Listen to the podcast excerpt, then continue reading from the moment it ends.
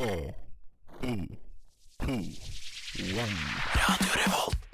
jeg er Erna Solberg. Mitt navn er Vegard Harm. Morgen, morgen, alle sammen. Jeg heter Matte Oma. Hei, jeg heter Amanda Delara. Hei, jeg er Silja Sol. Det er ingen andre enn Admiral P. Vi er Lemetere. Det er fredag, klokken er fire. Det er fredag, det er nesten helg. Nå er det faktisk nesten helg. Endelig! Vi tar deg med ut av den kjedelige uka og inn i den deilige helga. Endelig er det fredag igjen, og vi starter det her forspillet med en packa sending, gjør vi ikke? Det gjør vi. Det gjør vi. Vi har Sixpacka. Den er faen meg stacked. packed. Vi får besøk Stacked. av eh, ingen ringere enn Hedda May. Oi, Det blir oi, utrolig oi, oi. spennende. Vi skal smake på noe artige, spennende matnyheter. Stemmer, stemmer. Time will show hva det er. Eh, arkivet stikker innom igjen. Med andre ord, det er mye som skal skje, eh, og vi skal slå i gang den eh, skuta her med å høre litt eh, Whammy Boy. Eh, men først, introdusere A-laget her. Det er hyggelig, det er hyggelig.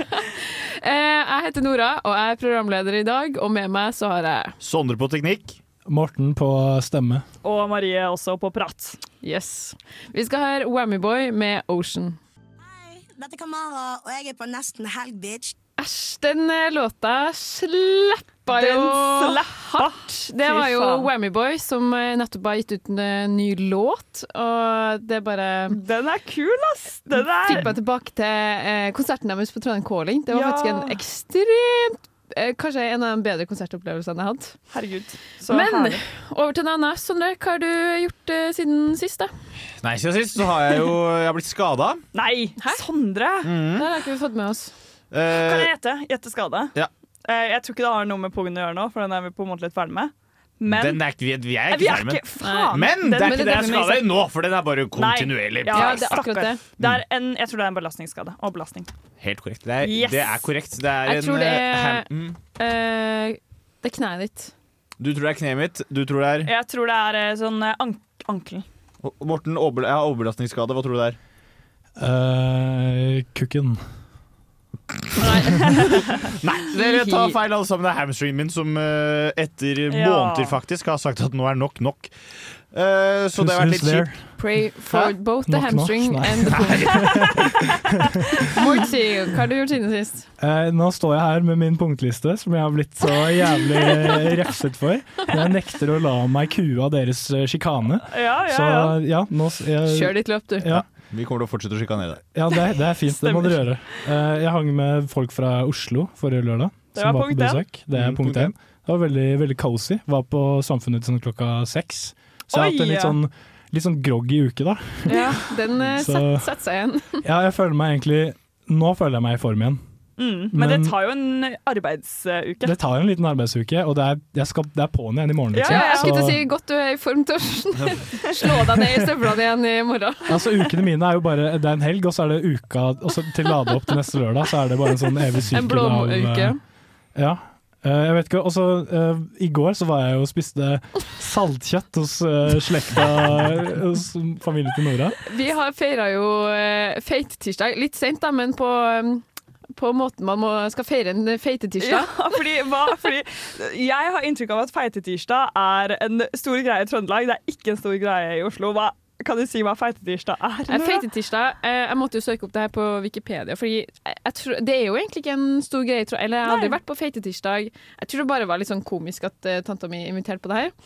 Uh, men feitetirsdag er jo i hvert fall Du har jo fastelavn, der du skal spise deg opp med boller. Og så har du blåmandag. Fortalt, det her fortalte far, farfar meg om i går. da Ja. Og så har du feitetirsdag, der du skal spise eh, saltkjøtt og eh, sånn eh, feit kraft og kålrabistappe og eh, mye sånn feit mat. Og så har Alt du blir til en slags suppe. det var bare Det var helt komisk. Altså sånn eh, Det her var jo tanta mi som eh, serverte på veldig sånn tradisjonsrik måte, da. Og jeg og Morten gravde jo litt oppi den suppa. Og så først er det sånne pølser eller sånn eh, Vossakorv. Og så nedi der er det sånn, minner om et lite grisehode. Det ligger, det ligger bare en hel gris nedi bunnen av gryta. Og så må man liksom prøve å dele opp den grisen med en øse. Ja. Men, og jeg, jeg sto der med masse folk bak meg i kø, som, eller som familien din, og så Ja. skulle jeg prøve å lirke ut en liten grisebit fra den gryta. Det var jo var så stressende. Jeg fikk til og med litt saltkjøtt på min, eh, den mest sexy skjorta jeg har, den lilla silkeskjorten. Så det, den har jeg drevet og rensa i dag. Ja, det var første gang Morten uh, møtte familien min. Det hørtes ut som en, jeg og Morten er nettopp gifta første gang. Ja, det var det òg, liksom. Jeg følte liksom at jeg var på besøk og møtte familien. Og liksom, jeg var sånn, hva, hva, det var en sånn merkelig situasjon. Åh, det er veldig eh, søtt. Men ja. saltkjøtt, er det, er det det man kaller den der eh, avdøde grisen som ligger i bunnen av gryten, eller hva er det? Altså, sånn, det var jo egentlig bare Det var jo bare sånn eh, Kjøtt med noe salt? Det var jo egentlig ganske nice hvis man fikk et bra stykke, fordi det var ikke sånn fettslimsete. Men hvis Nei. man fikk, fikk de fettslimsa, så var det jo litt mer uheldig, da. Ja. Ja, men jeg digger sånn type mat. Jeg, skal, jeg blir med neste gang. Mm. Hva skjer med deg siden sist, Marie? Er. Hei, så hyggelig. Uh, du, det har ikke skjedd noe interessant, altså. Det er ikke så mye å melde. Jeg har vært syk. Og når jeg er syk, det er en veldig svakhet ved mitt uh, menneskelige væren, så går jeg litt sånn inn i depression mode. Jeg hater å være syk. Altså sånn, jeg blir bare sånn åh, Jeg føler meg sånn sosialt utsultet, og jeg bare føler jeg gjør ting feil. Og jeg bruker altfor mye tid på å tenke over sånne ikke nødvendigvis eksistensielle ting, men bare sånne småting som plutselig blir så jævlig viktig. Og det er sikkert bare fordi at eh, man har en litt sånn kjedelig, inntrykksløs hverdag når man er syk. Men det er tommel ned, altså. Ja. Så i, i dag er jeg egentlig ganske lettet, fordi i dag har jeg vært på skolen. Og har sett litt folk, og nå står jeg her, og så føler jeg meg eh, ganske bra. I hvert fall. Jeg hadde en veldig sånn akutt sykdom, med liksom både kvalme og diaré. Ikke sant? Mm. Men du vil heller bare ha den kanonkula der, altså, og bli Ja. ferdig, Mm. enn, å, enn å drive og styre med det i to ukers tid. Jeg kaster, eh, jeg kaster eh, raspeballen over til Nora. Raspeballen er tatt imot. Haha, ja, det fikk vi også en gjennomgang om. Ja. Flask og duppe. Det er morsomt, kan man diskutere på Det har jeg lyst til å spise. Anyhow, eh, siden sist så har jeg gjort eh, mye forskjellig. Jeg føler jeg eh, sprunget liksom fra det ene til det andre. Det har vært litt sånn travelt, men ikke med ting jeg må gjøre, men ting som er sånn arrangementer som jeg har lyst til å gjøre. Og det er jo litt sånn dumt at fordi man drar jo på det her fordi eh, man har lyst til det, eller får glede ut av det. Men når det bare blir sånn her fra det ene til det andre, så eh, mister man litt den der lysten. Det blir sånn Så der. Uff, må bare komme meg på den der jazzkonserten. Å, faen i helvete, jeg har egentlig ikke lyst til å sitte her og Det er så stress, det. men, eh, men jeg kom meg i hvert fall på den jazzkonserten her etter å ha vært i badstue. Eh, og satt der og frøys litt, fordi det, var, det var en slags badstuerituale vi var på på Sjøbadet. Det var okay. veldig interessant. Men etterpå så skulle du ikke inn i badstua, du skulle bare du skulle ut i vannet. Så skulle du ikke masse eh, etterpå, så skulle du bare gå, og så skal kroppen varme seg opp, opp av seg selv. Altså, det skjedde jo ikke for Særlig. shit, Ja, det skjer ikke. Så satt jeg på en jazzkonsert, frøys litt, men eh, det kom seg. Det er bra. Det tar jeg med meg. Vi skal høre eh, mer musikk før vi får inn gjest. Eh, vi skal høre God store gjest. Yes. Eh, vi varmer opp med Tøyen Holding, Grown Man Shit. Hei, dette er Fay Wiltagen, og du hører på Nesten Helg. Vi har fått uh, stort, fint besøk i studio. Vi har fått med oss Hedda May. Velkommen. Hei, hei. hei. Hvordan står det til med deg? Det går bra. Jeg kommer rett fra bil fra Oslo, så jeg føler meg litt sånn litt ruski-ruski. Men uh, det går ellers veldig bra. Shit. Ja, er det bare i mitt øre at uh, Hedda May sin lyd er litt grann rar? Nei, det er ikke det. Kanskje vi skal swappe Jeg lurer på om det skyldes eh, den eh, lyden vi har på headsetet, ikke nødvendigvis den lyden som, uh, som våre lyttere får. Det kan vi i hvert fall håpe. Tekniker Sondre, han er på på Jeg vil bare også påpeke at jeg ikke vet hva man skal gjøre hvis den lyden er fucka. Så Nei. Men kanskje vet jeg det. Vi, vi Mm. finner ut av Vi dette bare- vi mens vi kjører på. kjører på. Yes. Har du lyst til å introdusere deg til de lytterne, de av våre lyttere som ikke har fått gleden av å høre deg og din musikk før? Ja, det kan jeg gjøre. Hei, alle sammen. Jeg, eh, jeg Hedda May, er 24 år gammel og skriver retropop. Retropop? Retropop. Eh, det er sånn du ville beskrevet eh, musikken din selv? Ja, jeg tror det. Den er liksom veldig Den er mye, på en måte, men eh, Oi, oh, se, nå- der er lyden på plass. Her er det. Her er det. Ja, jeg tror på en måte det er det jeg har landa på. Selv, i hvert fall. Jeg vet ikke hvordan andre oppfatter den, men uh, selv føles det litt retro, i hvert fall. Ja. Kult. Uh, hvor, uh, når, hvor lenge har du liksom vært overbevist om at det er liksom artist du skulle bli? Jeg har jo tenkt at kanskje det er noe som har oppstått i senere tid. Jeg har alltid drevet med musikk. Jeg har liksom eh, gått klassisk pianotimer og i kor og i band og sånn. Men eh, jeg har liksom gjentatte ganger innsett at det er kanskje noe jeg har hatt en sånn eh, litt usympatisk drøm om siden jeg var liten. Jeg var på besøk på hytta til mormor eh, i forrige påsken, og da, da var det liksom meg som hadde tegna bilde av meg selv med mikrofon, og så var det sånn 'Head of the Star'.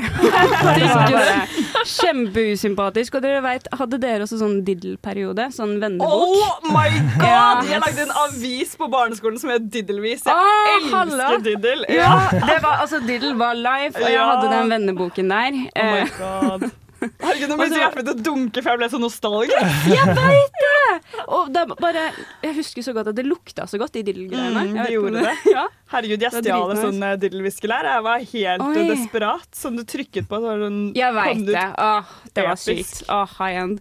Nei, og så eh, Det er litt sånn usympatisk, fordi at jeg bare Det var sånn Hva er ditt største ønske? var et av spørsmålene. Jeg fylte selvfølgelig inn meg selv òg, bare i Ja, ja, ja, Faen, orker ikke. Men eh, ja, ditt største ønske, og så så jeg liksom at eh, jeg hadde starta å skrive sånn 'bli barnestjerne'. Og så hadde jeg strøket over, og så sto det et litt mer sympatisk svar at det skal bli fred i verden. Jeg prøvde meg, på en måte. Jeg meg. At du bare gikk tilbake som liten jente og bare Uff, nei. Må sånn, høres litt Noen bedre ut. skal kanskje Ja. lese det her om ti år. Fred i verden. Men det som er så bra da, med den Bare noen første tanker jeg hadde. ja. Men det som er veldig bra med den første varianten, er jo at i dag ville vi jo bare kalt det manifesting. Det er jo bare bra. Altså, ja. 100 tidlig ute med den, da. Det er det tidlig ute med Eller barnestjerne og barnestjerne, på en måte. Men, Du ble nå i hvert fall voksenstjerne, da. Ung voksenstjerne. Ok, Så det har liksom vært i tankene helt fra barndommen, liksom? Da har, har du vært liksom innom andre tanker? Sånn. Ja, fordi det òg var jo Åh, jeg- altså, jeg orker ikke meg selv, men jeg hadde da tydeligvis fylt inn flere år i den der uh, Diddle-boken.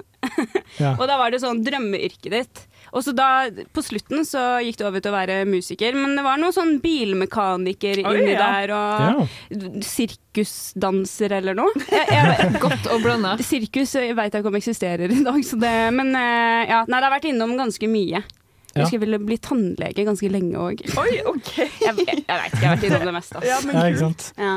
Og en ting jeg biter meg merke i nå, nå som jeg biter meg merke i det nå som vi snakker om tannleger, haha, eh, det er at eh, eh, jeg, i, i, Ja, det er en Du har en ekstremt tørre vits på lager, så det er bare å dessverre. Det er bare å spenne setebeltet fast. Uh, men jeg, i research til dette intervjuet så leste jeg at du er fra Bergen. ja. Men st st stemmer det, liksom? Du, jeg hører jo ikke det på deg. Nei, nei, jeg er kjempedialektforvirra. Jeg, jeg bodde faktisk i Trondheim et år. Okay. Det hjalp ikke. Nei. Nei. vil jeg si. Nei, jeg, jeg er fra Eller jeg ble født i Oslo, og så flytta jeg til Bergen da jeg var eh, seks år gammel. Og så har jeg egentlig bodd i Bergen, eh, bortsett fra det året her, da. Frem til i fjor. Ja. Ja. Når var du i Trondheim? Det var eh, Herregud. eh, 20 Det var liksom eh, Det var Det var vel to år før korona. Ja, det Ja, var der okay. på folkehøyskole her. Nei, så Å gøy. ja, hvor da? På Trøndertun. Nei, men så Ja. kult. Ja, i herregud.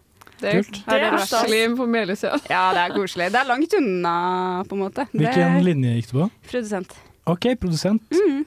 Så da har du kanskje en del fingre med i spillet når det kommer til produksjonen av egen musikk òg, eller? Ja, det kommer, litt sånn, det kommer litt an på hvem jeg jobber med og hva vi gjør, men jeg følte at det var veldig nice og jeg tror kanskje jeg lærte litt hva jeg likte og hva jeg ikke likte det året. Det, okay. Og bare litt mer hva det går i. Mm. Jeg prøvde jo litt selv, men jeg syns ikke det er så bra. Så jeg holder meg mest til låtskriving eh, per nå. Ja, fordi jeg, jeg vet at du jobber sammen med Ruud-ikon Benjamin Gjertz. Ja, hva, hva har du tilknytning til Ruud? Eh, Jeg gikk på Ruud eh, selv. Alle har gått på Ruud. Alle har gått Alle Alle har på på Ruud. Ruud. Jeg orker ikke. Hvert fall, ja, vi har jo besøk Har av mye, Ruud? mye, mye musikere her i studio. og Jeg føler Morten alltid har en connection til enhver gjest. Ja. Ja, det var jo Rick Roll forrige uke i hvert fall. Men Ja. tror det er det så mye Det er jo Ruud-gjengen som søren, liksom. Altså, hva skjer med dem? Det er jo the key to success. Du må bare begynne på RUD. altså. Ja. Ja, Det det er jo tydeligvis skolen å gå på. Ja, Det er helt uh... Apparently. Ja, ja, ja. Jeg var der faktisk i høst og sang med dem, skal jeg til å si. Ja, var Det var, eh, det var veldig gøy å se den skolen, for jeg føler det har vært en sånn der, for gitaristen i bandet mitt også er fra RUD. Så det er bare ja. alle, alle, alle, alle har gått på RUD. Alle jeg har møtt i musikkbransjen er fra RUD. Ja. Jeg tror vi må ha en sending hvor vi bare får alle, alle fra RUD inn. Altså. Ja. det spesial. ja. Ja, en Ruud spesial. I like it. Mm. Men not to be rude, men jeg vil bare stille litt Jeg er veldig glad for at du er villig til å senke deg på mitt nivå, så ikke jeg er den eneste som Det står eh. veldig forferdelig, og jeg skal ikke gjøre det. Eh, Men du nevnte jo litt sånn innledningsvis at du lager retropop. Mm. Eh, og da lurer jeg litt på, i forlengelsen av det, har du noen musikalske forbilder? From a long time ago, som kanskje har ago. inspirert til dette? Altså jeg må jo bare si, det er, jo, det er jo ikke long time ago, det er i dag, men jeg har et bilde av Anderson Pack over sengen min. Det, er, det, er, litt, det er litt creepy. Men, Nei, det støtter jeg. jeg, jeg mitt, mitt soverom mangler et bilde av Anderson Park. Ja, men faktisk. ja, men det, det, det, det, det gir meg veldig mye. Ja. Men ja, det er, det, det er han, eller er det noen flere? Oh, ja, ja, om det er flere, ja. ja det er, altså, jeg har en sånn der, uh, inspirasjonsliste som jeg viser okay. når jeg skal jobbe i studio med folk og sånn. Og den, Ja. Det er ganske mye. Det er mye sånn eh, Det er mye Jeg hadde en sånn sjuk eh, 2000-tallsperiode eh, i forfjor eller noe, og der var det Det gikk så ekstremt i boybands og Britney Spears og alt mulig.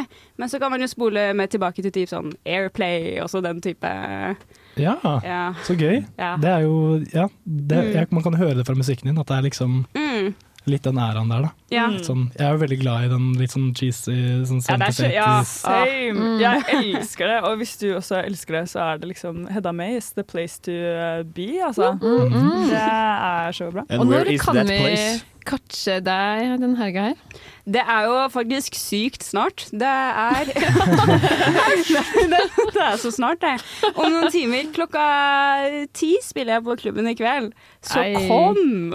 Herregud. du Klubben på Samfunnet? Klubben på Samfunnet, ass. Det er der det skjer. Du må løpe ned uh, til soundcheck eller noe sånt, du. Ja! Og, Ja, det begynner å bli Det en må du. kort stund til. Men Herlighet, tusen takk for at du rakk å komme innom og fortelle litt om uh, retropop. Og ja, Anderson Park, det skal jeg høre på etterpå nå. I love it. Takk for at jeg fikk komme. Det var veldig hyggelig. Utrolig hyggelig at du kunne komme. Vi gleder oss til å catche konserten i kveld. Og før det, og nei, som en oppvarming, skal vi høre It Ain't You av Hedda May.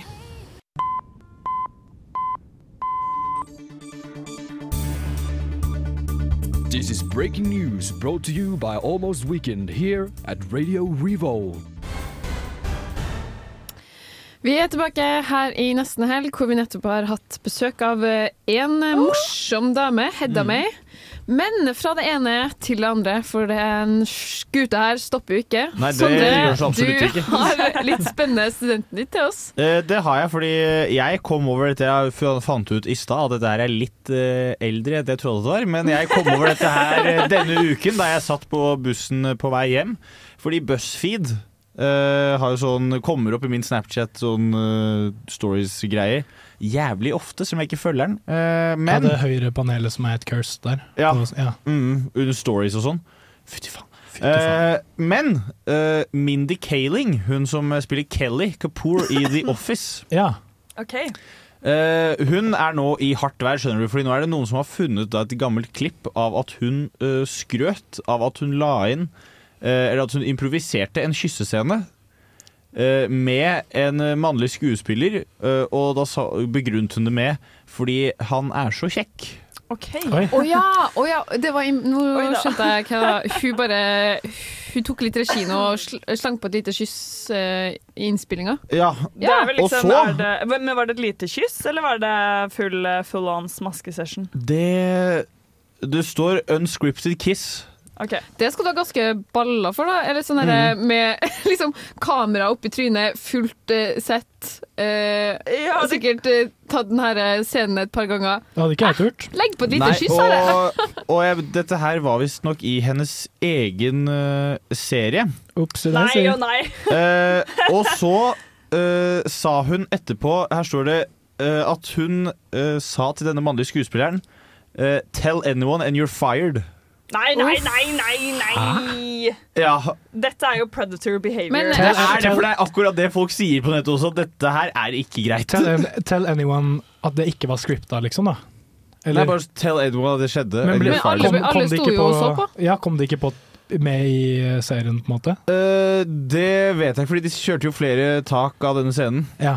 Uh, så jeg tror, jeg, sånn jeg har forstått det, så var ikke dette taket et av de som eller det som var i serien til slutt. Det, det hadde Nei. også vært litt artig om, om hun hadde skrevet den uh, scenen selv. da Bare sånn, ok, nå skal vi bare råkline på sånn. Ja, ja, ja. Hun burde jo på en måte heller gjort det. Hvis dette var hennes produksjon, så syns jeg hun gjorde det jo Ja, på en forferdelig seg- kronglete måte. Ja, hvorfor tok hun seg ikke bare friheten til å skrive et manus der hun oh, bare virkelig sådd den uh, romansen der? Ja, Ja, det er det, det. er en, det er en morsom sketsj, føler jeg. Det hadde jo vært det, fordi hun, hun sier også at uh, to av producerne hadde kommet bort til henne og spurt hva faen er det du driver med. Du, du kommer til å bli saksøkt.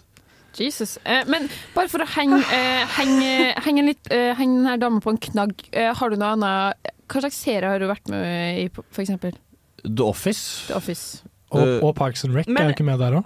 Jeg har aldri sett Parks and Rec, så det vet jeg ikke, men uh, The Office is a big one. Ja, det er jo en Eh, ganske uh, big hvem, one. hvilken av karakterene er jo i The Office? Kelly Kapoor. Kelly ja, Kapoor. Ja, ok, Da skjønner jeg hvem vi snakker om her. Mm. Men hun burde jo virkelig bare gjort som Tarantino og bare skrevet seg selv inn i alle de sketsjene hvor man ser på føtter og sånne ting som han syns er deilig. Og så er det ingen som eh, stiller spørsmål ved det. Ja, fordi, fordi det står i manus. mm. Og så har hun også sagt etterpå at I eh, kunstens navn. det er ingen som har sagt noe, og ingen som klagde på noe. No one reported anything, sa hun. Det kan jo ha sammenheng med at hun var sånn Ikke Ja, si noe! Hvis du sier det, så sparker jeg deg. Ikke sant? Altså, da, Jesus. Kan hende det da kan det være at, eh, at det har noe med det å gjøre. Ja. Hva tenker dere? Er, jeg vet ikke.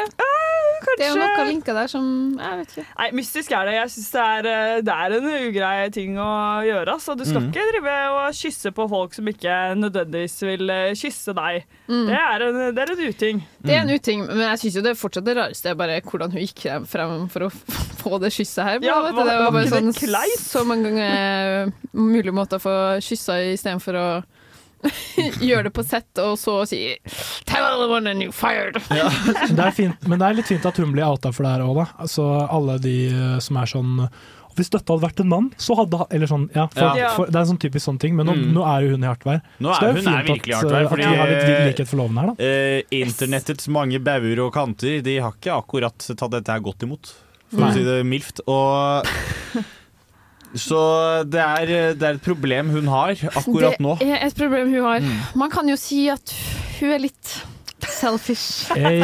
Og når vi snakker om selfish Oi! Nei, Vi sier skal høre 'Selfish' av Slow Tie. Cover all 9,000 taste bud. Aerate it. Warm it up. Driving up that top note. That cream. Pure vanilla. Sweeteners. Mm, that's a 10. Det stemmer. Eh, matnyhet. Matnyhet? Matnytt er tilbake. Hey. Og jeg har med noen matnyheter som jeg har vært veldig gira på. Jeg Marie kom litt. til studio i dag og døde litt etter å fortelle om en veldig bra Ja, jeg bare matnyhet. synes det var så bra. Og jeg innser jo nå at jeg har jo severely overhyped det som jeg har med. For det er jo Nei, er bare spent, et potetgull. Jeg tror jeg ser hva det er. Ja, det er et potetgull, men jeg bare syns smaken på dette potetgullet hørtes så innmari god ut. Det er altså potetgull, brunet smør og chili. Du, de har sett, det er veldig mange som har begynt med brun og smør. Ja, er Jeg har sett tre, men jeg har ikke smakt på noen av dem. Det er, Er det det, er i, det er i sesong. Sykt spent! Nei! Der fikk du litt uh, ASMR inn i monitor. Altså, Jeg vet ikke, jeg bare så den. Jeg synes på en måte, For det første, eh, pakningen eh, Veldig flott. er veldig appealing. Altså, For dere som ikke kan se den, men lytter, så har den eh, liksom lysegul farge. Og så inni så er det sånn deilig bilde av litt bruna smør, rett og slett. En klatt med det, og litt chili og litt eh, potetgullflak. Du smårer deg god på sånn eh, poser. De er litt sånn matt. Liksom. Ja, de er gode på det. Jeg tar meg en lukt nå òg. Mhm. Oi. Wow, det lukta Du, virkelig mye smør, smør, du altså. børget deg litt. Ja, er jeg Jeg skal bare lukte på, jeg vet ikke om jeg tør å smake på Oi, jeg syns det lukta sykt digg. ja, OK, men det er bra. Nå tenker jeg vi bare alle tar en Nei, liten Nå kom det, neve. nå kom det litt sånn akutt Litt, er kave, litt mye smør. Alle tar seg en lita neve med litt eh, potetgull. Og så, Her må jeg bare kommentere litt sånn eh, utseende på en chips nå. Veldig flotte ingenting, chips altså, det lukter jo- med, det lukter jo med litt sånn røde prikker av chili. Som jeg bare At den ser veldig pen ut. Nå ble Nora så investert i sin chips at hun ikke hørte at eh, Sondre pratet engang, og det tenker jeg jo er et godt tegn. Ja. Det er godt jobba, Ok, Okay, Men alle er eh, i gang. Skal vi smake, da, folkens? Det smaker jo det. Dere har jo lukta bruna smør. Jeg har aldri smakt på ordentlig bruna smør. Men det, luk, det smaker jo sånn som det lukter. Oi. Skjønner du hva jeg mener når jeg sier det? What? At det Ja. smaker som det lukter. Ja. Mhm. Det smaker jo helt latterlig. Jeg har aldri tenkt når jeg har stekt opp uh, smør for å lage kylling eller kjøtt eller noe i panna, så har jeg aldri tenkt Tror jeg, tar meg, tror jeg bare tar og spiser det etter middag. Nei. Men mm, Der er jeg veldig uenig. Jeg jobba jo på en sånn DNT-hytte noen somre tilbake. Da var liksom sånn Til enhver middag jobba faktisk som kokk. Um, til hver middag så laga man nøttesmør. Altså man bruna smør som man hadde på fisk eller kjøtt eller hva det var. Mm. Og da får det en eks Vi kalte eh, kalte for nøttesmør. Ja, det sa jeg jo kanskje. Men det får en veldig sånn nøtteaktig smak, og det Mm. føler jeg du har litt her. Og jeg syns egentlig det er sykt digg. Jeg syns den var ganske god. Ja. Og digga den her chipsen. Mangler kanskje Hvis jeg skal utsette noe, så jeg kunne vært litt mer salt. Men det er jo fordi at jeg er en salt addicted. Ja, enig. Altså en salt addicted girl. Det kunne vært litt mer salt. Chili den syns jeg var ganske velbalansert, for å bruke det ordet. Fordi jeg er ikke så veldig glad i ting som er altfor sterkt. Mm, jeg synes, den her var liksom sterk i min øh, i, For mitt perspektiv, eller hva man skal si. Men, øh, men ikke for sterk. Jeg syns den var god. Jeg syns Lukten var litt fryktinngytende. Men smaken Nops. Jeg syns smaken er interessant Eller den er jo på en måte god, men jeg får en veldig sterk assosiasjon til sånn karamell og smørbukk og sånn verters og Ja, sånn. for den lukter veldig smørbukk, syns jeg. Ja. Ja, så jeg føler jeg er sånn jeg, Kroppen min forventer karamell, og så er det chips, Oi. og så er det litt rart. Jeg vet ikke om jeg lukter den så godt, men jeg blir litt forvirra. Ja, for okay. jeg syns at smaken vokste på meg, egentlig. Ja. Mm. Fordi etter, etter den første, etter at den smakte som lukta, eh, eller den smakte sånn som brunt smør lukter, så blei det mye bedre, altså. Ja. Etter at man kom over den lille, den lille kneika der. Lille kneika der. Kunne, kunne Smørknekka, ja. dere kjøpt det her på en fredag for å kose dere, Nei, liksom? Ja, det tror jeg. Oi! det kunne ikke jeg gjort. Det hadde jeg Mm. aldri funnet på. ja, du likte ikke den her så godt. Nei, jeg, har, jeg føler en veldig sånn dragning mot å ta en til, men jeg vet at jeg kommer til å angre. Nei, for det er det jeg ikke tror. Jeg tror det, Den samme effekten som Sondre hadde, den kommer du også til å oppnå. Mm, den, jeg tror det Gjør det, Morten. Gjør det litt inn inn. Se åssen er det nå når vi prøver en til. Ja. Ja. Ok, vi prøver. Prøv her. Ble du nå? Nei. Ta, ta litt mer. Ta litt mer, Morten. Spis mer. Ja, nå har jeg ikke lyst Vi på mer. Spis konkluderer mer, Morten, nå. er ikke så god, ass. Morten, ta mer.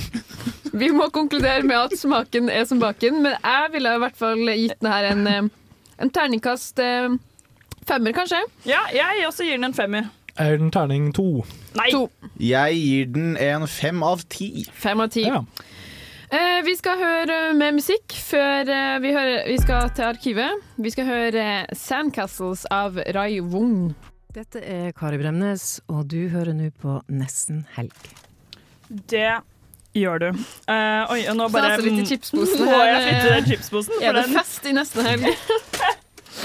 det er det der, vet du. Nei, altså, jeg har jo eh, introdusert en ny spalte som jeg gjorde sist, som heter Arkivet.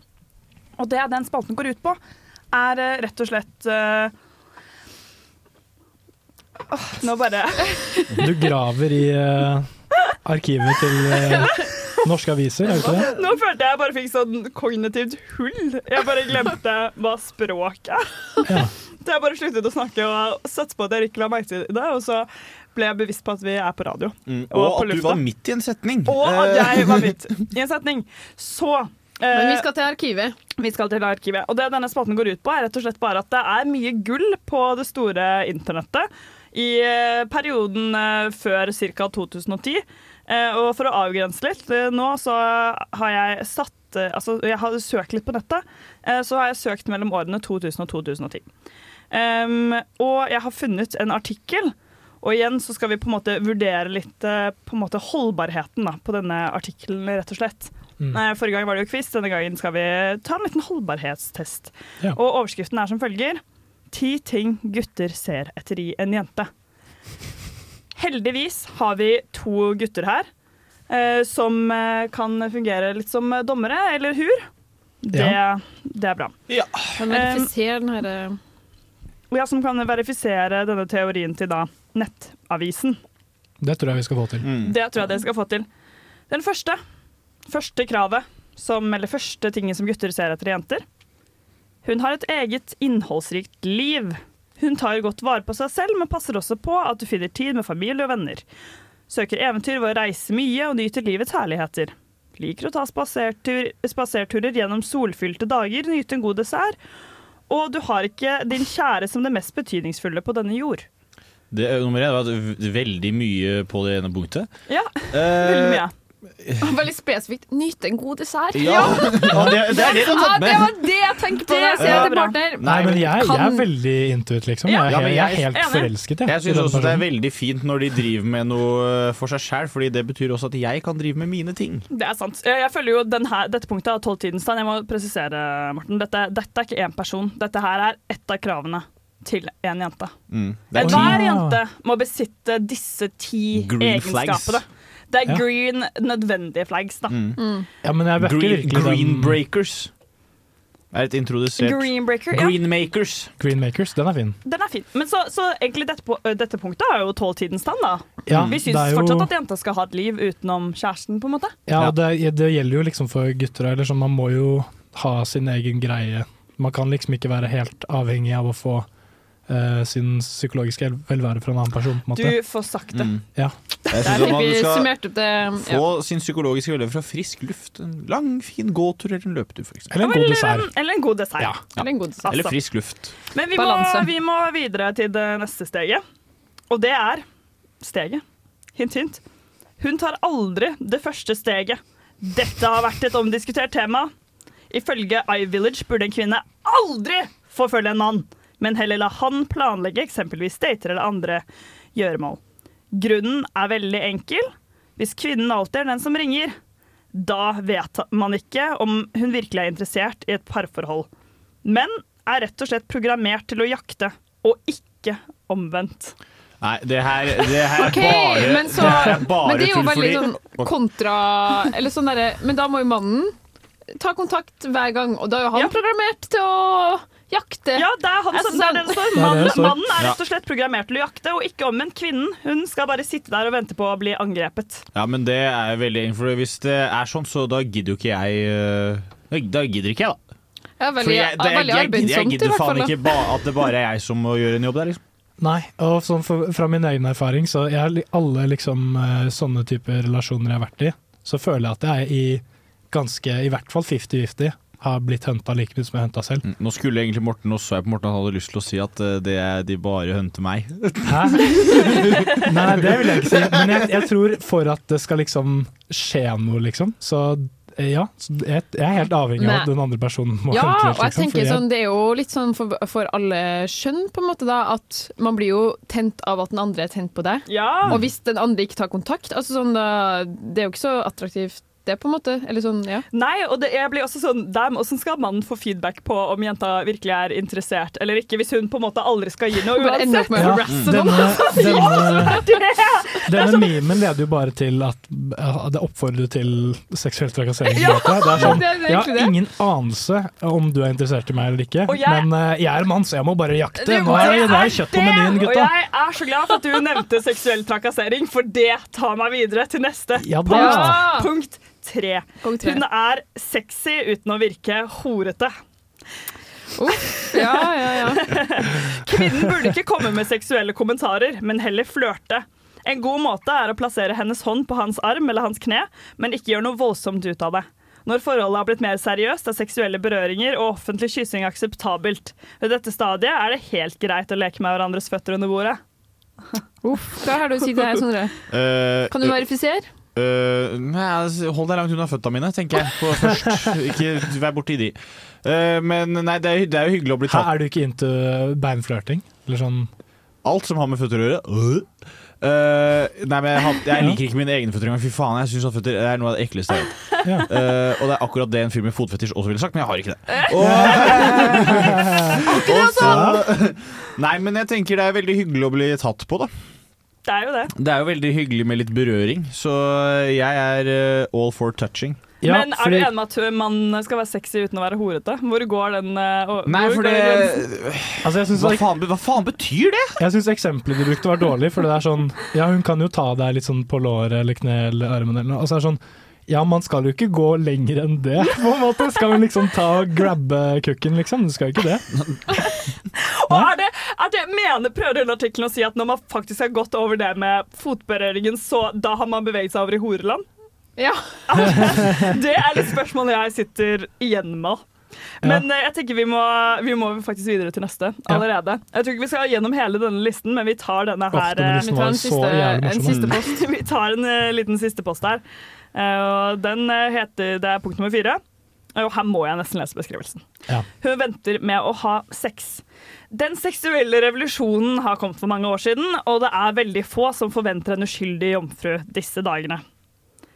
Uansett er sex et ganske stort skritt for et par. For mange kvinner går det ikke opp for dem hvor mye sex forandrer forholdet. Og her er Nettavisen kloke, og de begynner med en vitenskapeliggjøring, så vi skal tro på dem. Oi, oi, oi. Når kvinner har sex, utløser de hormonet oksytocin. Nei, men her har de gjort nøye research. Ifølge Nettavisen Unikt for kvinnene, noe som forskere tror får kvinner til å føle seg ekstra varm og lysten på partneren sin. Kvinner som har sex for tidlig kan risikere å ødelegge et forhold som så vidt har startet. Et godt tips er å vente med å ha sex i hvert fall en måned ut i et forhold. Og her skjønner jeg ikke! Men hvorfor ødelegger de det? Ja, hvorfor? Du sa, altså Nettavisen, hvis Ja. jeg skal ta ditt punkt, da. Du sa nettopp at oksytocin gjør at man føler seg tilknyttet sin partner. Det er ikke det. Det, er det. Ja, alle Nei, det- punkter er liksom kontraintuitive. Ja, ja. Men det jeg tror er med det punktet der, er at uh, man bygger uh, først en uh, emotional connection før man bygger en seksuell connection også. Ja, det var litt Og det kan, jeg jo, det kan jeg jo på en Mm. måte forstå at noen mennesker har lyst til å gjøre. Ja, Ja, men, ok. nei, men Oksytocin handler ikke om seksuell attraksjon, det handler om emosjonell attraksjon. Tilknytning, på en måte, ja. tilknytning. Ja. Så, Ja, at man, at man skaper den emosjonelle tilknytningen på et annet plan først. Ja. Og så går man og har sex Ok. etterpå. ja, ja, Ja, men det, fordi- altså, sånn, det, eh, hormoner er jo på en måte litt Jeg tror det, liksom, det glir litt over i hverandre, da. Ja, men, Men, jeg, eh, ja. jeg må bare si at sånn, ut ifra ting jeg har hørt fra liksom, mine venninner og sånn, så har de eh, Mange jeg kjenner har liksom vært i en situasjon hvor de har holdt på med en fyr, og så har de eh, hatt sex ganske tidlig, og så har den relasjonen gått i vasken, og så er han plutselig uinteressert. Eh, så jeg tror faktisk ikke at dette her er en så dårlig take, egentlig. Eller det er jo liksom ikke Hvis det, ikke, det er ikke et sånt Det er ikke Hvis det bare er et praktisk hensyn, på en måte. Hvis man Mm. vet at sånn OK, eh, kvinner har lettere for å danne et emosjonelt bånd sånn via sex, og hvis ikke Men- det skjer med mannen, så er det kanskje fornuftig for begge to å vente litt, så det emosjonelle båndet kan oppstå Ja. før man har sex. For og det er ikke et normativt utsagn, det er sånn, det er sånn rent praktisk, praktisk Mm. liksom. Jo, men hvis det hadde vært rent praktisk, da, fordi jeg opplever det litt mer normativt, egentlig. Fordi det er Ja. ikke som om oksytocin ikke utløses i menn når de Nei, har sex, nei. for det gjør det også. Mm. Ja, ja, det Eh, gjør så, det, det. så det er jo derfor egentlig at jeg tenker kanskje litt mer som Nora, at sånn, det er jo egentlig fint å ha det ganske tidlig, fordi da finner man ut én om den kjemien er der. Eh, det tenker jeg er en bra ting, og det kjenner man kanskje nettopp hvis disse på en måte hormonene blir utløst og det føles veldig hyggelig og du føler deg på en måte tilknyttet den personen. Jeg vet ikke, jeg føler det også virker litt sånn kjipt å bygge altså, nå, nå, nå skjønner jeg at jeg faller i kategorien hore, da, according til denne Bygge opp en spenning til en skitling. I, I 2005. Jo men, jo, men seriøst, sånn, hvis du på en måte har blitt veldig glad i en person, og så bare It doesn't hit når dere først har sex. Det er jo litt kjipt. Ja. Ja, men det er Jeg faktisk føler jo, jeg føler jo det er jo Sara noe Larsson sa jo en gang at uh, hun ligger med folk på første date bare fordi hvis ikke den seksuelle energien er der, så er Og jeg, jeg, sier, jeg sier ikke at man skal vente dritlenge, liksom, men jeg tenker at det er, bare, det er fornuftig å kanskje vente et par, tre, fire dates. kan jo sånn fornuftig. og det er, jo, det er jo fint å ha den spenningen der, på en måte. Ja, jeg føler ikke det handler om det oksytocin, sånn vi snakker om, da, men kanskje sånn derre OK, vi bevarer litt på spenninga, eller vi bygger opp en spenninga. Funker i noen situasjoner, men det er ikke sånn derre uff, nei, vi må eh, Jeg må alltid vente femte date for å ligge, på en måte. Mm. Ja, nei, jeg, Jeg vet ikke. Men det, Altså For min del så, er det, så kan dere ligge på første date, liksom, men jeg tenker bare sånn som et, praktisk som for et, Morten, det er Morten som bestemmer! ja, som et, som et, praktisk, som et praktisk tips så tenker jeg at det kanskje er lurt å vente et par dates. Og det er ikke et normativt utsagn. Ja. Det er Morten som skrev dette punktet i 2008. Ja. Nei da, men herregud, noen av disse punktene har definitivt uh, tålt eh, tidens stand. Andre har det ikke. Andre er jo litt mer komisk. Andre er litt mer komisk. Nå, før vi eh, skal fyre til neste låt, så skal jeg bare si eh, ha det bra. Ha det bra, ja. Fordi Ha det jeg bra. skal av sted på en hyttetur. Eh, Adios, Dere må ha en forrykende sending videre. Vi sier takk til Marie, og så hører vi et uh, What's In It For Me av Amy Diamond. Det vi lurer på er hvor du er nå, hva driver du på, hva gjør du på? Du er kjendis, men du er glemt for lenge siden. Men vi husker fremdeles deg. Vil du komme og prate med meg på Nesten helg? Hvor er de nå, spalte? Hvor er de nå? Spalten der vi i nesten helg plukker opp en eh, glemt, eh, kjent eh, og kjær kjendis. Mm. Og Sondre, hvem har du funnet til oss i dag? Jeg, den observante lytter, lyttet Ja. kanskje på forrige låt og tenkte hm, den låta der har ikke jeg hørt på 20 år. For jeg stussa egentlig litt på hvordan kom Amy, eh, nei, Amy Diamond snikende inn Eller den sangen her. Mhm. Hun har jeg egentlig ikke så mye kjennskap til, men sangen hitter jo bare rett i mitt nostalgiske hjerte. Ja, for den her var jo eller 20 år siden. Det er kanskje 10 år siden liksom, den, man hørte på den uh, sist. I hvert fall så husker jeg at jeg hørte på den, uh, den de rulla gikk som barn. Mm. var Mm. på noen Hits for Kids-plate eller noe. Mm. Eh, og da tenkte jeg på, for jeg satt der om dagen og så hørte jeg den låta i en eller annen sammenheng, og så tenkte Ja. jeg hvor faen er hun? Ja, word. Så det her var bare, egentlig bare et lite frempek, da. Mm, det var det. All right, all right. Eh, og Amy Linnea Deasismont, som hun, eller Desismont, som hun eh, eh, egentlig heter, eller da kjent som eh, Amy Diamond, hun er jo svensk. Oi, det visste jeg ikke. Født i 1992, så hun blir eh, 31 år. Og hun, hennes gjennombrudd var jo med denne låta. Hun kom i 2005. Mm. Da var hun 12. Oi! Men ja, når du sier det, så har hun en veldig ung stemme når hun synger. Altså. Ja, og så lurer jeg også på eh, Var det her one, one, one hit wonder? Uh, Har hun noe mer? Hun har ikke så mye mer, altså, men hun er den yngste personen som har gitt ut et Greatest Hits-album i Sverige. Bare én låt. ja, fordi den var en hit uh, i Danmark, Norge og Finland, og i Sverige, da. Uh, Men da blir jeg så- enda mer nysgjerrig, da. Da blir jeg enda mer nysgjerrig, fordi Hvis det her var når du var tolv, hva har du fylt tida med siden? Hun uh, har uh, Hennes sjangre er pop, julemusikk og akustisk musikk, og ifølge wiki, svensk Wikipedia fant ikke så mye annet på noen andre Wikipedia. Nei. Eh, så er den største eh, hits eh, What's In It For Me, selvfølgelig. Welcome to the City, Champion og Shooting Star, blant annet. Jeg ikke hørt om noen. Nei, ikke jeg heller. Uh, og hun har jo da Hun ga ut singler som Amy Desismont, eh, altså som hennes fødenavn. I 2016 så ga hun ut fire singler. Eh, hun har ikke gitt ut et album siden 2010, og da var det et samlingsalbum, altså The Greatest Hits-albumet hennes. Men hun har eh, gått over til å bli skuespiller. Oi! Så nå spiller da eh, Amy Diamond i eh, Hun spilte sist i The Playlist, som da er en eh, eh, miniserie fra Sverige og Storbritannia. Som Mm. handler om Spotify eller noe. Okay.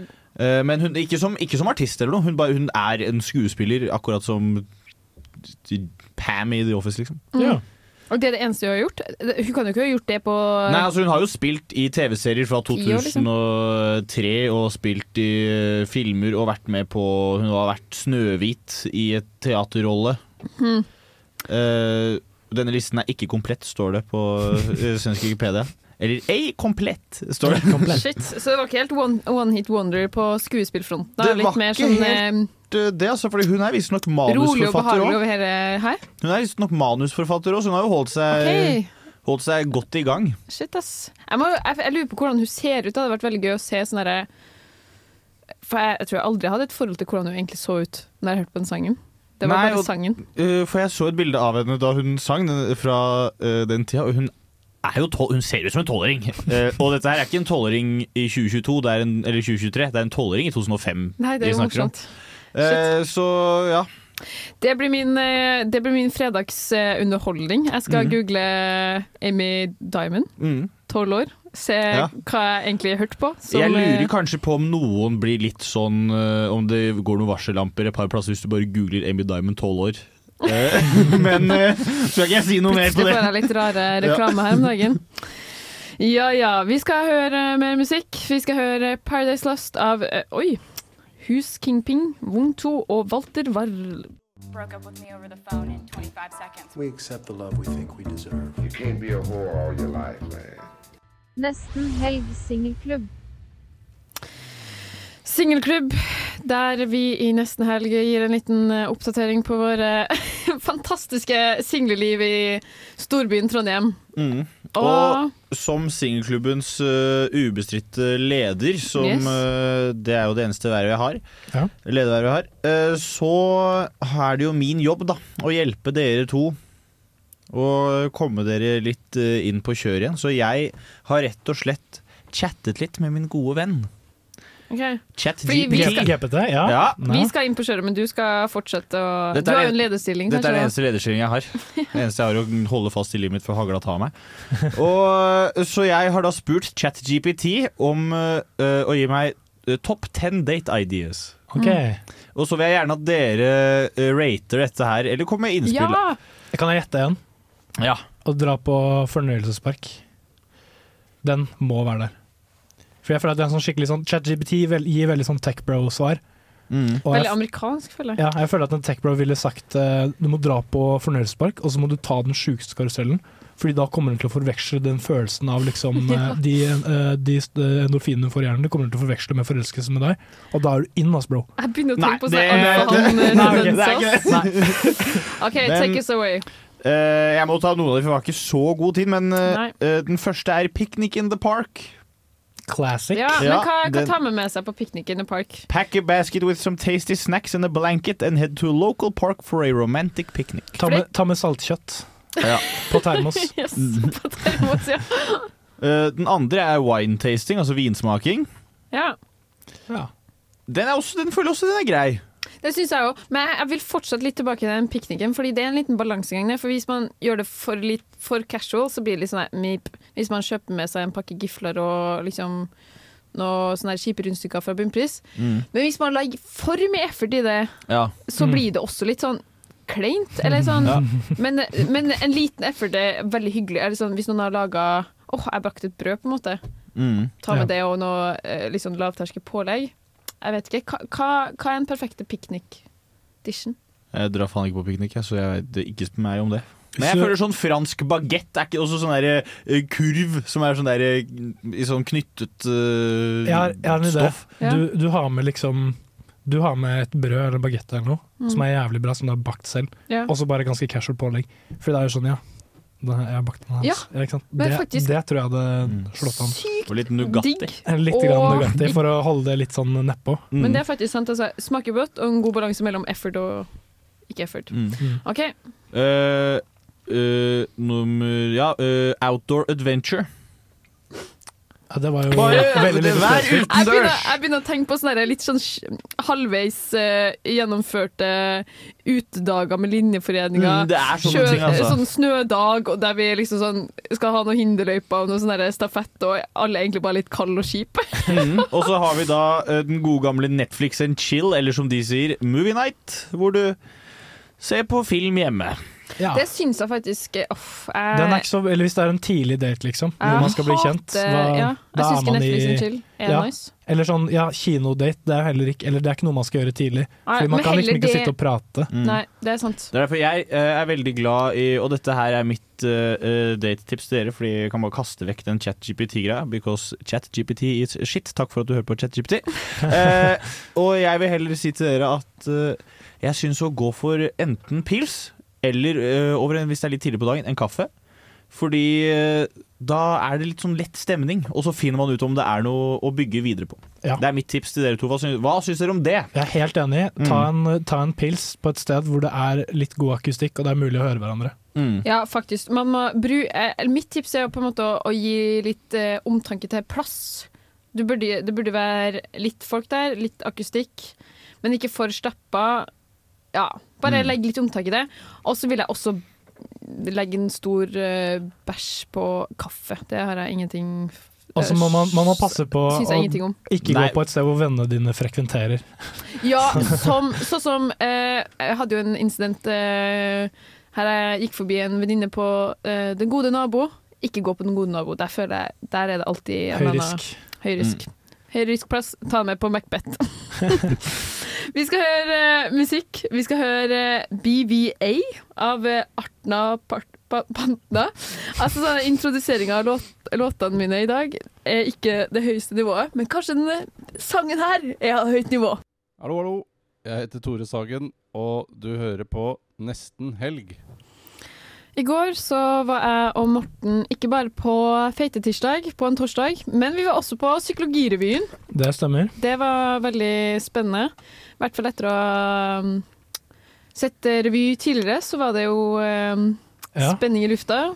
Jeg vet ikke om vi skal snakke, om, eh, snakke så mye om Big Vi, Gate. vi, skal ikke, vi skal ikke snakke noe om den, men vi skal snakke om Psykologirevyen. Ja. Eh, den heter Ung og sovne og vises på Isak kultursenter. Og den vises jo også i kveld og i morgen. To, to visninger. Sondre, du skal vel eh, i morgen, så vi må ikke reveale for masse her. Uh, nei, så kan ikke jeg uttale meg så mye heller, for at jeg kjenner jo eh, ganske mange av de som er med. Ja. Og jeg, to av regissørene og sånn er jeg god kompis med og sånn. Oi, Så, ja, får et lite strengt blikk her nå. ja, Ja. Så jeg kan ikke Jeg kan liksom ikke Jeg føler ikke at jeg kan uttale meg så mye om, om det her. Da er du sikkert spent på hva vi tenkte om revyen. Mm. Ja, for jeg har hørt at den er lættis av noen som også kjenner folk som er med i revyen. Ja, det. det kan jeg jo egentlig bare slippe ut rett Jeg syns jo den var lættis. Men ja, som sagt, den heter Ung og sovende, så en gjennomgående tematikk er jo eh, drømmer, eh, fantasiverden, eh, det her med søvn, eh, som går gjennom i de forskjellige sketsjene. Eh, det er to akter. Eh, ja. Jeg vet ikke om eh, jeg klarte å følge med på den her røde tråden gjennom alle sketsjer. Det var litt sånn Veldig mye kan jo flettes inn i fantasi. Så det var av og til litt vanskelig å henge med på uff, hvordan funka det her inn i det store og det hele. Men eh, ja, det vil jeg si om det overblikket. Ja. Har du noe tilfelle der? Ja, jeg syns jo først det er jo et artig navn, da. Ung og sovne. Det, jeg liker det. Og jeg syns jo at de hadde ganske mye morsomme elementer og ideer, og det var en del Jeg er jo glad i ordspill og sånn, og det var veldig mye Det var en del artige ordspill, eh, og jeg fikk litt sånn assosiasjoner til sånn Absurdgalleriet, hvis dere har sett den siden. Det var Mm. veldig mye derfra, eksempel den sånn at du skal gjøre alt til laks og sånn. Ja. At de var karpefiskere videre. Yes, det var det jeg skulle si. En stort pluss i boka fra min side er litt absurd humor. Det syns jeg er veldig morsomt, og jeg syns de hadde mye av liksom det litt eh, randome, absurde stikkene, på en måte. Ja, så selv om jeg på en måte ikke Jeg er jo litt mer høyere enn deg, da. Uh, så selv om jeg liksom ikke Jeg, jeg syns liksom ikke at det var så ekstremt morsomt, egentlig. Og, uh, så jeg tenker at det er viktig å liksom ha i bakhodet at det er en amatørproduksjon. Og de fleste ting som produseres av liksom uh, norske liksom sitcoms eller en eller annen serie som noen norske komikere produserer, jeg syns det aller meste, kanskje 5% av det, er litt gøy, på en måte. Mm. Så jeg er jævlig streng på sånne ting.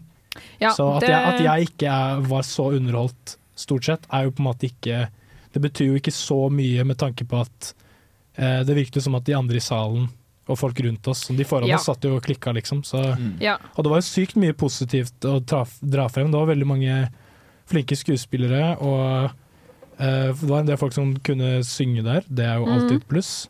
Bandet var veldig bra. Bandet var bra, men det en ting med bandet som jeg syntes var litt leit, var at man hørte dem skikkelig skikkelig dårlig. Ja. Etter min eh, mening. da. Mm. Som for eksempel da de spilte den låta, den der gamle russelåta fra sånn 2000-tallet, 'Infinity'. Mm. Uh, uh, når det på en måte klikker og tar av, når det er ferdig med den saksintroen, Ja. så kommer det en sånn greie bare, hvor bassen bare klikker helt. Ja. Og du hørte nada av den bassen. Ja. Jeg satt liksom klar til å bare eh, klikke helt, og så, og så hører du ingenting, og så er det sånn ordentlig Ja, det er litt utilfredsstillende. Veldig, veldig synd. Fordi jeg, Veldig synd. det- jeg syns egentlig at det låt ganske bra i bandet, Mm. men jeg bare hørte liksom ganske lite. Enig. Jeg vil også si at på en måte konseptet med sketsjene, bra. Manuset og gjennomføringa, litt sånn mm, Skuespillerne var ekstremt fint, det vil jeg si. Ja. Men det fikk ikke frem humor, til, eller sånn latteren, til en Ja, og det er, det er ikke så mye man får gjort med et uh, uh, midmanus som skuespiller. Kast inn et terningkast uh, fire. Uh, dessverre, disse psykologistudentene har sikkert aldri opplevd å få noe annet enn en sekser, men jeg må gi det en treer, ass. Beklager, Yes. unnskyld. Du kan si beklager, beklager, men uh, vi skal i hvert fall høre mer enda en låt uh, før vi kommer oss av gårde. Vi skal høre 'Agreeing for Two' og Rossi Plain. Hei, jeg heter Hilde Louise Asbjørnsen, og du hører på Nesten helg på Radio Revolt. Ja, vi er tilbake, og dette er jo ikke stemmen til Nora. Hva har skjedd? Nei, Nora har dessverre forlatt oss, Mm. men heldigvis har vi fått inn eh, en, en ny person som Mm. eh, tar over der Nora slapp. Ja, så det blir meg som er Nora i resten av sendingen, da. Du er Nora resten av sendingen. Jeg vet ikke om jeg kan hun godt nok til å være en veldig god imitasjon, men jeg kan, jeg kan prøve å være meg, i hvert fall. Ja. uh, har du lyst til å introdusere deg, Hans? Det har jeg. Hallaisen, alle sammen. Jeg heter Hans. Uh, jeg er med i et program som heter D-pop til vanlig, hvor vi spiller Dungeons and Dragons og prøver å lage noe radio ut av det. Og så, så nå, nå er jeg her, og så er det jo nesten helg for meg òg. Ja. Så da har vi det til felles. Ja, for vi tenkte jo at vi kunne dra i gang en liten Studenten nå, hvor jeg prater med forskjellige studenter i eh, Trondheim. Hva er det du studerer, Hans? Jeg studerer grunnskolelærer 5. til 10. trinn med norsk og musikk og tegnspråk. Ja, og Når du da sier 5. til 10., eh, hva er det du, går du for ungdomsskole, eller går du da for femte til syvende? Du, Jeg er ikke helt sikker på det. Altså, for Nå har jeg prøvd litt begge deler i praksis. Jeg er egentlig i praksis nå, men vi har vinterferie. Og nå har jeg en eh, Nå har jeg en åttendeklasse som jeg er mye med, og tidligere har jeg hatt mest med sånn sjette-sjuendeklassinger å gjøre. Og det er mye lettere med kids. ass. Fordi de der forbanna tenåringene De er så lite interessert i å gjøre noe som helst av det jeg foreslår. Ja. Uh, og de syns ikke jeg er noe kul. Nei, det er ikke sant, de syns jeg er litt kul. Men ikke så kul som de sjetteklassingene syns. Ja. Uh, så jeg lurer på om jeg kanskje heller mot mellomtrinnet. Eh, I hvert fall basert på de erfaringene jeg har nå. Ja, hvor, hvor mange forskjellige praksiser har du vært i? Eller hvor mange ganger på femte til Nei, eh, dette- syvende, og hvor mange på ungdomsskolen? Dette er min tredje runde. Okay. Uh, så jeg har ikke egentlig så mye erfaring. Jeg har vært, jeg har vært i én sjetteklasse først, første året jeg gikk der. Og så var jeg på en sånn, eh, på en sånn her friskole andre året. Så der hadde jeg strengt tatt en åttende klasse, men det var ikke en veldig representativ åttende klasse. Friskole, hva er det for noe? Eh, altså sånn skoler som eh, ikke følger samme læreplanene som norske skoler. Så typisk hvis det er religiøs bakgrunn. For Steinerskolen for eksempel, er en Ja. friskole. Okay. Eh, dette var en sånn internasjonal skole da, hvor all undervisning foregikk på engelsk. Okay. Og der er det jo rett og slett så kvalmende veloppdragne, de kidsa. Altså, jeg er jo vant til at du må kjefte litt sant, for å få stillhet i klasserommet. Men der var det sånn vi skulle sette det i gang med noen sånne skriveoppgaver, hvor de skulle skrive et eller annet sånn her retorisk noe. Og så sier vi yes, her er etos, logos, patos, alt det der. Eh, nå kan dere skrive. Sett i gang. Og så bare blir det helt stille i klasserommet. Sjukt. Og de elevene sitter og jobber for seg sjøl. Hvis de snakker med noen, så er det veldig sånn Ja, ja du setter på den oppgaven. Ja. Det er helt sånn latterlig arbeidsro. Så det funker jævlig bra med disse friskolene, da. Men, å, hvis du kan få deg en jobb på en friskole, få, ta deg en jobb på friskole. For det er den letteste jævla lærerjobben du kommer til å ha i ditt liv. Ja, shit. Eh, på vanlig offentlig distriktsungdomsskole er det litt mer å ta i. Ja. Du nevnte det med Jeg har jo jobbet som vikarlærer et par ganger på yeah. barneskole.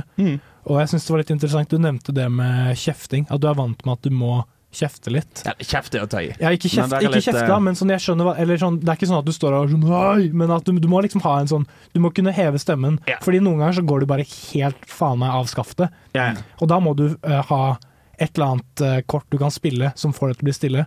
Hvordan, uh, hvordan har den en eh, vært for deg? Kom det liksom naturlig, eller har du måttet liksom finne deg litt sånn frem? Eh, Det har kommet litt naturlig. Altså, jeg har funnet ut at Det beste å gjøre er å bare jazze litt med kidsa. Bli kjent med kidsa. Mm. For da kan du være litt av sånn Og nå må jeg prøve å tenke ut navn som jeg ikke har hatt som elev, bare for ikke å bryte noe taushetsplikt. her, Ja. Men ja, Susanne. Jeg har ikke hatt en Susanne. At Nei. du kan si 'Hei, Susanne, nå er det fint om du snur deg og følger med'. Mm. Heller enn å bare sånn 'Ja, kan alle sammen?' Eller 'Kan du der bak?' Det er, sånn sånn. Jeg har helt, helt samme erfaring eh, som deg. Fordi Mm. jeg husker da jeg eh, jobbet på en eller annen sånn syvende klasse, første gang jeg var vikar, yeah. så var jeg veldig dårlig forberedt for det første. Så det var bare sånn, og teknikken funka ikke. Jeg kunne ingen navn, og jeg bare Mm. kjørte rett i gang uten å liksom bli kjent med barna, eller la dem bli kjent med meg. Så senere så prøvde jeg, sånn som du sa, at du prøver liksom å eh, Du må kunne de jævla navnene, liksom. Hvis ikke så har du, har du ingenting å ta i. Og så må du kanskje eh, Du nevnte kanskje at du må liksom presentere deg selv litt òg, Ja. sånn at du ikke bare er en eller annen tulling som står der og Bli litt ja. kjent med å by litt på seg sjøl. Stå der og kødde litt. Og på en Mm. måte prøv, prøv å vitse litt og være en litt sånn herre Gjøre seg litt sårbar, da, tenker jeg. Mm. Eh, Å finne den der balansen mellom å være sårbar, men ikke så sårbar at kidsa føler de kan manipulere deg. Ja. Det er, det er mange sånne balanseganger å gå, men jeg syns det går greit. Og så hvis alt skulle gå til helvete, så er jo jeg eh, velsignet fra Gud med en ganske høy stemme. Så jeg klarer å overdøve 30 tenåringer. Det er ikke noe problem, hvis jeg må. Ja, så go- go-to-en er bare at du prøver å Nå Hvis ting går av skaftet, så bare jazzer du og bruker navn. Ja. Det er det som er trikset. Og hvis jazz ikke funker, så må jeg gå over til heavy metal. Det er gøy. Artig, artig. Men eh, du, har jo, du er jo 29, har jeg, tar jeg rett da? Du tar nesten rett. Jeg blir 29 om en måned. Ja. Uh, du blir 29 måned. uh, men Og du Hva har du gjort før, før du ble 29, holdt jeg på å si? Eh, Jeg har gjort ganske mye. Eh, Jeg har studert ganske mange forskjellige ting, og så gikk de tingene til helvete, for jeg hadde en sånn her eh, udiagnostisert depresjon. Ja. Som viste seg å gjøre det litt vrient. Men jeg har vært innom, jeg har vært innom musikkvitenskap, som jeg først begynte å studere her i byen. Jeg har vært innom sykepleie. Jeg gikk på sånn grunnkurs ingeniør, som er noe du kan ta her på NTNU for å bli Hvis du ikke har realfagspoeng fra videregående, så kan du kvalifisere deg til å studere ingeniørfag. Ja. Eh, fullførte ingen av de. Nei. Og så har jeg jobbet litt, og så nå, eh, nå har lærerstudiet begynt å funke litt. Ja. Ja, fordi jeg, jeg tenkte meg Jeg har snakket med deg et par ganger før, og jeg, hvis, jeg kunne liksom med 100% sikkerhet si at du har gått uh, musikkvitenskap. Ja. Sånn, okay, denne spillelisten her, her, her stinker det Jeg husker det, fordi vi var på en sånn hyttetur hvor det Ja. var et eller annet sånn du skulle legge til låter til en spilleliste, og så skulle en prøve å gjette hvem det var som hadde lagt de til. Ja. Og da var det sånn Da plutselig var det sånn read deck, hvor begge vi visste Ja. nøyaktig hvilke låter hverandre hadde lagt til. Ja, det var grisenkelt å gjette. Hvis det plutselig kommer Snarky Puppy eller Jacob Collier, da er ikke det så mange andre det kan være. Ja, men det hadde vært veldig lav sannsynlighet for at det var noe ASAP Rocky i Ja. den spillelisten. Men det er veldig høy sannsynlighet for at vi får høre ASAP Rocky nå. For vi skal høre ASAP Rocky med Same Problems? spørsmålstegn. Hei, det er Thomas Seltzer her. Du hører på Nesten Helg på Radio Revolt. Ja, vi er tilbake. Og jeg tenker at vi, vi fortsetter i Studentenspalten. Mm. Og så var det Det var jo litt sånn eh, studietungt i stad. Veldig mye spørsmål om læreryrket, som jeg for, for øvrig syns er ganske interessant. Fordi Mm. det er jo noe jeg har drevet og snust på en del selv. Mm. Men jeg tenker at vi kan ta samtalen over i litt mer sånn det som ikke har med studie å gjøre. Mm. Yeah. Så eh, jeg tenker, jeg lurer på hva Du har jo sikkert vært i Trondheim en ganske god stund nå. Jeg kom til Trondheim høsten 2014. Ja. Så eh, ni, litt over ni og et halvt år siden. Ja, så da kan jeg, Åtte og et halvt år siden. da kan jeg anta at du trives ganske godt i Trondheim. Jeg synes det er en fet Jeg koser meg ganske greit her, altså. Jeg skulle egentlig, jeg skulle egentlig bare være ett år. Eh, fordi jeg, eh, jeg flyttet til Trondheim litt fordi det ga meg en unnskyldning til å slå opp med en dame jeg var sammen med. Som jeg, og jeg er litt sånn konfliktsky av meg, så da passet det veldig, veldig fint at jeg skulle til en annen by. Ja, det er en ganske vanskelig eh, kombinasjon å være konfliktsky og slå opp. Den, eh, Ja, så, så det ordnet seg veldig fint. Men så ble jeg med på Samfunnet. Ja. Uh, I radioen her, og det skulle jeg jo aldri gjort. For da grodde jeg, jo, grodde jeg meg jo enormt godt fast. da Ja. Uh, Så det skulle bare være ett år. Det ble til snart ni, og et par til skal det bli. Uh, Ja. Så jeg, hva jeg har funnet ut av Når jeg er ferdigstudert, så kommer jeg til å ha bodd i byen i elleve år. Ja, fordi du har, du har et par år igjen av studiet. Jeg har et par år igjen, jeg er på tredje året nå. Ja, ikke sant. Mm. Nei, så jeg har vært der ganske lenge. Jeg har jo kost meg. Eh, Det er jo mye Studentersamfunnet som står bak det, selvfølgelig. Det er jo der jeg har fått hele liksom, sosiale rammene mine i byen. Jeg bor, jo, bor jo med en del folk jeg har blitt kjent med gjennom her, og hele min omgangskrets utenom skolen og eller når jeg er på en måte på jobb på Samfunnet, er jo folk fra Samfunnet. Mm. Så det er jo på en måte Samfunnet som har stått for mye av det, da, som har gjort til at jeg har blitt så lenge. Ja. Så lurer jeg på, du slo jo opp med en dame for å komme, eller før du kom hit, men har det blitt noen damer etterpå, på Hansemann? Altså, over en niårsperiode. Ja. ja, det har blitt et par, da. Ja, eh, for da lurer jeg på denne kjærestegarantien som Trondheim har. Gikk, eh, den for, har den funka for deg òg, på disse ni, Altså, eh, ni årene du har Nei, vært her? altså, jeg har jo ikke, ikke fått meg kjæreste på de ni årene. Eh, Men du har, eh, du, du har runda kvartalet et par ganger. ja, altså, jeg liker å si som, eh, jeg liker å si som Alex Rosén, da, at jeg har ikke nødvendigvis pult mye, men jeg har pult mye rart. Ja, men den Det, det syns jeg støtter jeg. nei, men, nei, men det er klart en får jo rast litt fra seg, men det, det, det kommer an på. Det er klart Hvis en, eh, hvis en er oppe lenge nok om kvelden og full nok, så skal ikke så mye til. Nei, og da, men da, og da våkner du opp morgenen etter. Hva går gjennom huet ditt da? Nei, som regel faen i helvete. Fordi det som er problemet Det som er problemet er at jeg har drukket så mye og så lenge at det er ikke nødvendigvis at jeg tåler alkohol veldig godt, men jeg tror jeg tåler alkohol veldig godt. Så jeg føler meg aldri så veldig full uh, når jeg er ute og drikker. Men så dagen etterpå innser jo jeg hvor full jeg var i retrospekt. Uh, og eksempel blir livredd når jeg kommer på at sånn Oi sann, du bestemte deg for å lage deg mat du, uh, klokken fem om morgenen når du var stupdritings på komfyren og begynne å steike ting og koke ting og sånn. Det var kanskje, kanskje ikke en så veldig god idé, Ja, egentlig. Det er kanskje ikke den beste ideen å liksom for, forvarme en eh, støpejernspanne klokka 06.00 med promille. Det har gått bra så langt, og jeg har ennå ikke brent ned en kokk. Nei, men har- Du fortalte meg jo tidligere i dag Hans, at du har kjøpt deg to nye stekepanner. Er der, er, det der, er det derfor? Fordi du har uh... Det er ikke derfor. Nei, det er bare fordi at folk vet ikke hvordan du skal håndtere nonstick-stekepanner. Så folk skraper nede med metall, folk har de på altfor høy varme og sånn. Ja, har du kjøpt deg karbonstål nå? Jeg har faktisk kjøpt meg karbonstål. faen, altså, vi lever det samme livet. Ja, men jeg, er, jeg er litt engstelig for den karbonstålpannen. Jeg lurer kanskje på meg om å legge litt sånn veto i kollektivet på at sånn, den må dere spørre om eh, før dere skal bruke. For jeg er litt redd for at de skal ha masse sånne sure ting oppi, og så skal Ja. jeg reagere med stålet, og så har vi det gående. Ja. Jeg jo, har jo gjort min eh, andel research på stekepanner, som jeg hører at du også gjør. så ja, jeg hadde vært litt redd eh, for at noen plutselig skulle finne på å lage en tomatsaus eller noe, så er alt arbeidet Ja. uh, med å få en fin sisning på den Ikke sant? Jeg, jeg har ikke begynt på seasoningen. ennå. altså, den er fortsatt i pappen. Jeg kjøpte den bokstavelig talt typ to timer før jeg kom her. Ja. Så jeg tenkte jeg skulle kose med meg i kveld. Ja. Men så skulle jeg, fordi til nå har vi bare hatt sånn dårlige nonstick-panner hvor du må spytte te teflon mellom tennene etter hvert måltid. uh, så må, Smash burgers er noe av det første jeg skal lage med når den eh, Uff, pannen er innvidd. nice. Det høres godt ut, Få litt, god, få litt god varme på den, litt løk og salt og pepper. Og Deilig. Ja, jeg føler, det er, men det er en del av eh, sånn kollektiv eh, eller sånn studentlivsskjermen å Ja. prøve å steke eh, lage eggerøre i en sånn helt for jævlig teflonpanne. jeg, tenker, jeg hadde ikke noe pepper oppi her. Hvorfor er det masse sånne sma svarte små ja. Det er ikke bra, ass. Det skal jo være ganske Det skal jo være litt bad òg, Ja. teflon og få det i kroppen. Visstnok ikke helt sunt. Det er visstnok Det ikke så bra sagt Nei. med den. Men, har, men det var derfor jeg kjøpte to. da Så nå har jeg kjøpt en karbonstålpanne til meg, eh, og en eh, nonstick-panne til kollektivet. Ja. Og så er mulig jeg må gi dem litt sånn kurs. Eller han ene stoler jeg veldig på, han er god til å lage mat. De to andre not so much. Ja, det er, de kan få et lite, et lite karbonstålkurs. Det er, ikke, det er vel ikke så mye greier. Nei, det er vel, så vidt jeg har forstått Du må passe på at det ikke er for sure ting oppi, Ja. for da kan det begynne å misfarge og korrodere og ruste. Og Ja. Jeg tror generelt folk er ganske Er litt sånn Overtenker litt med sånn cookware. Sånn Det var en i gamle kollektivet mitt som bare hadde en sånn lekresett støpejernsgryte Mm. som hun bare aldri brukte. Og jeg er sånn, hvorfor har du den da, liksom? Men de kan du gjøre hva du vil med. Kanskje, for de, de har jo sånn sånne keramikkbelegg inni. Ja, det jeg skjønte ingenting. Er ikke det sånn man basically bare kan nesten holdt på holdt på å knuse, det kan du jo ikke, men at du kan bare gjøre egentlig alt mulig rart? Ja, du, ja, du kan prøve å ødelegge den, og så tror Ja. jeg det du prøver å ødelegge den med, blir ødelagt, og den gjenstår i sin fine, intakte form.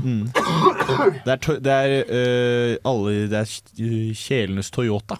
Ja, rett og Ja, men det er leker, det kan, ikke, kanskje ikke den lekrusettpannen, da. Den er jo litt sånn eh, litt Rolls-Royce.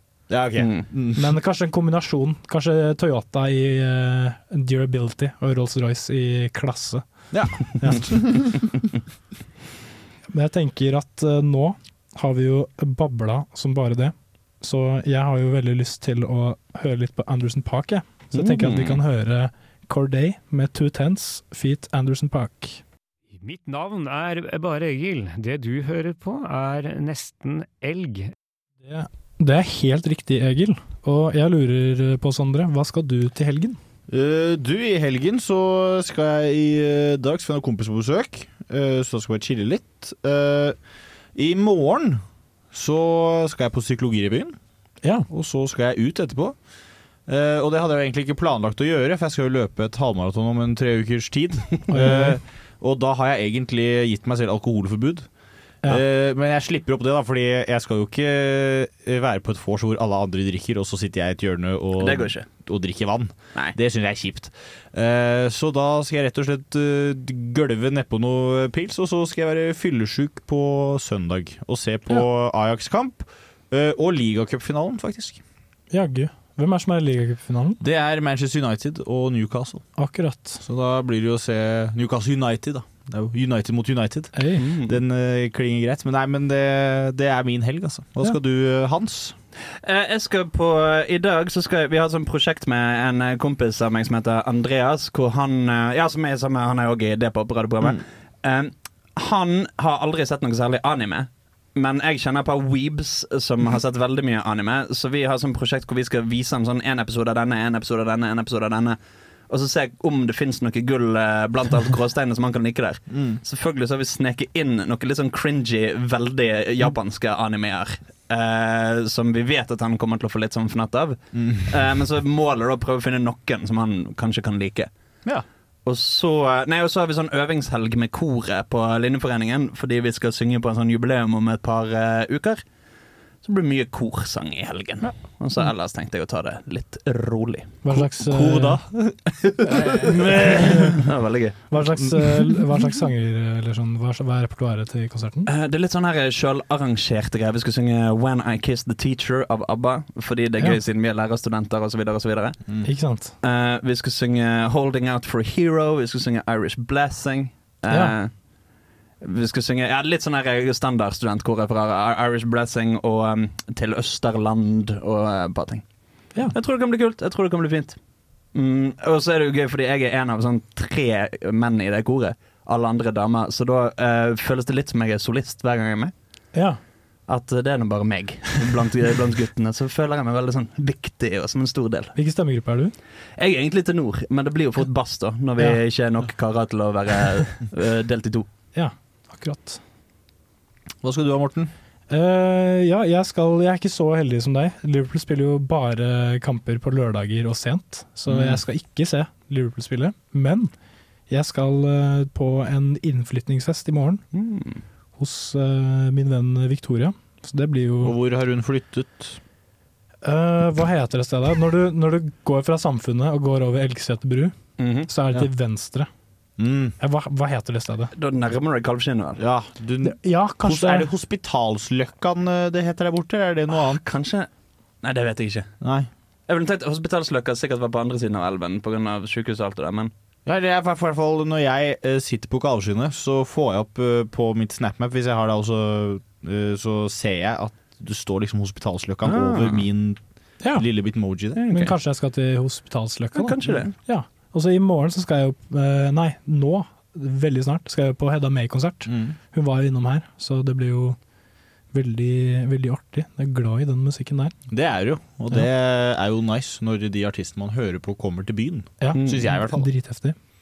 Mm. Så det er egentlig min, eh, min helg. Heldigvis. eh, På, den, på arrangementbeskrivelsen til eh, eh, den eh, innflytningsfesten så sto det at sånn, de oppfordret til at man skulle ta på seg det mest edgy antrekket man har, som Oi. man alltid har lyst til å gå med, men som man alltid trekker seg uh, fra å ta. Og jeg, jeg var jo hos Nora uh, i går og spiste saltkjøtt. Mm. Hadde på meg min litt edgy skjorte.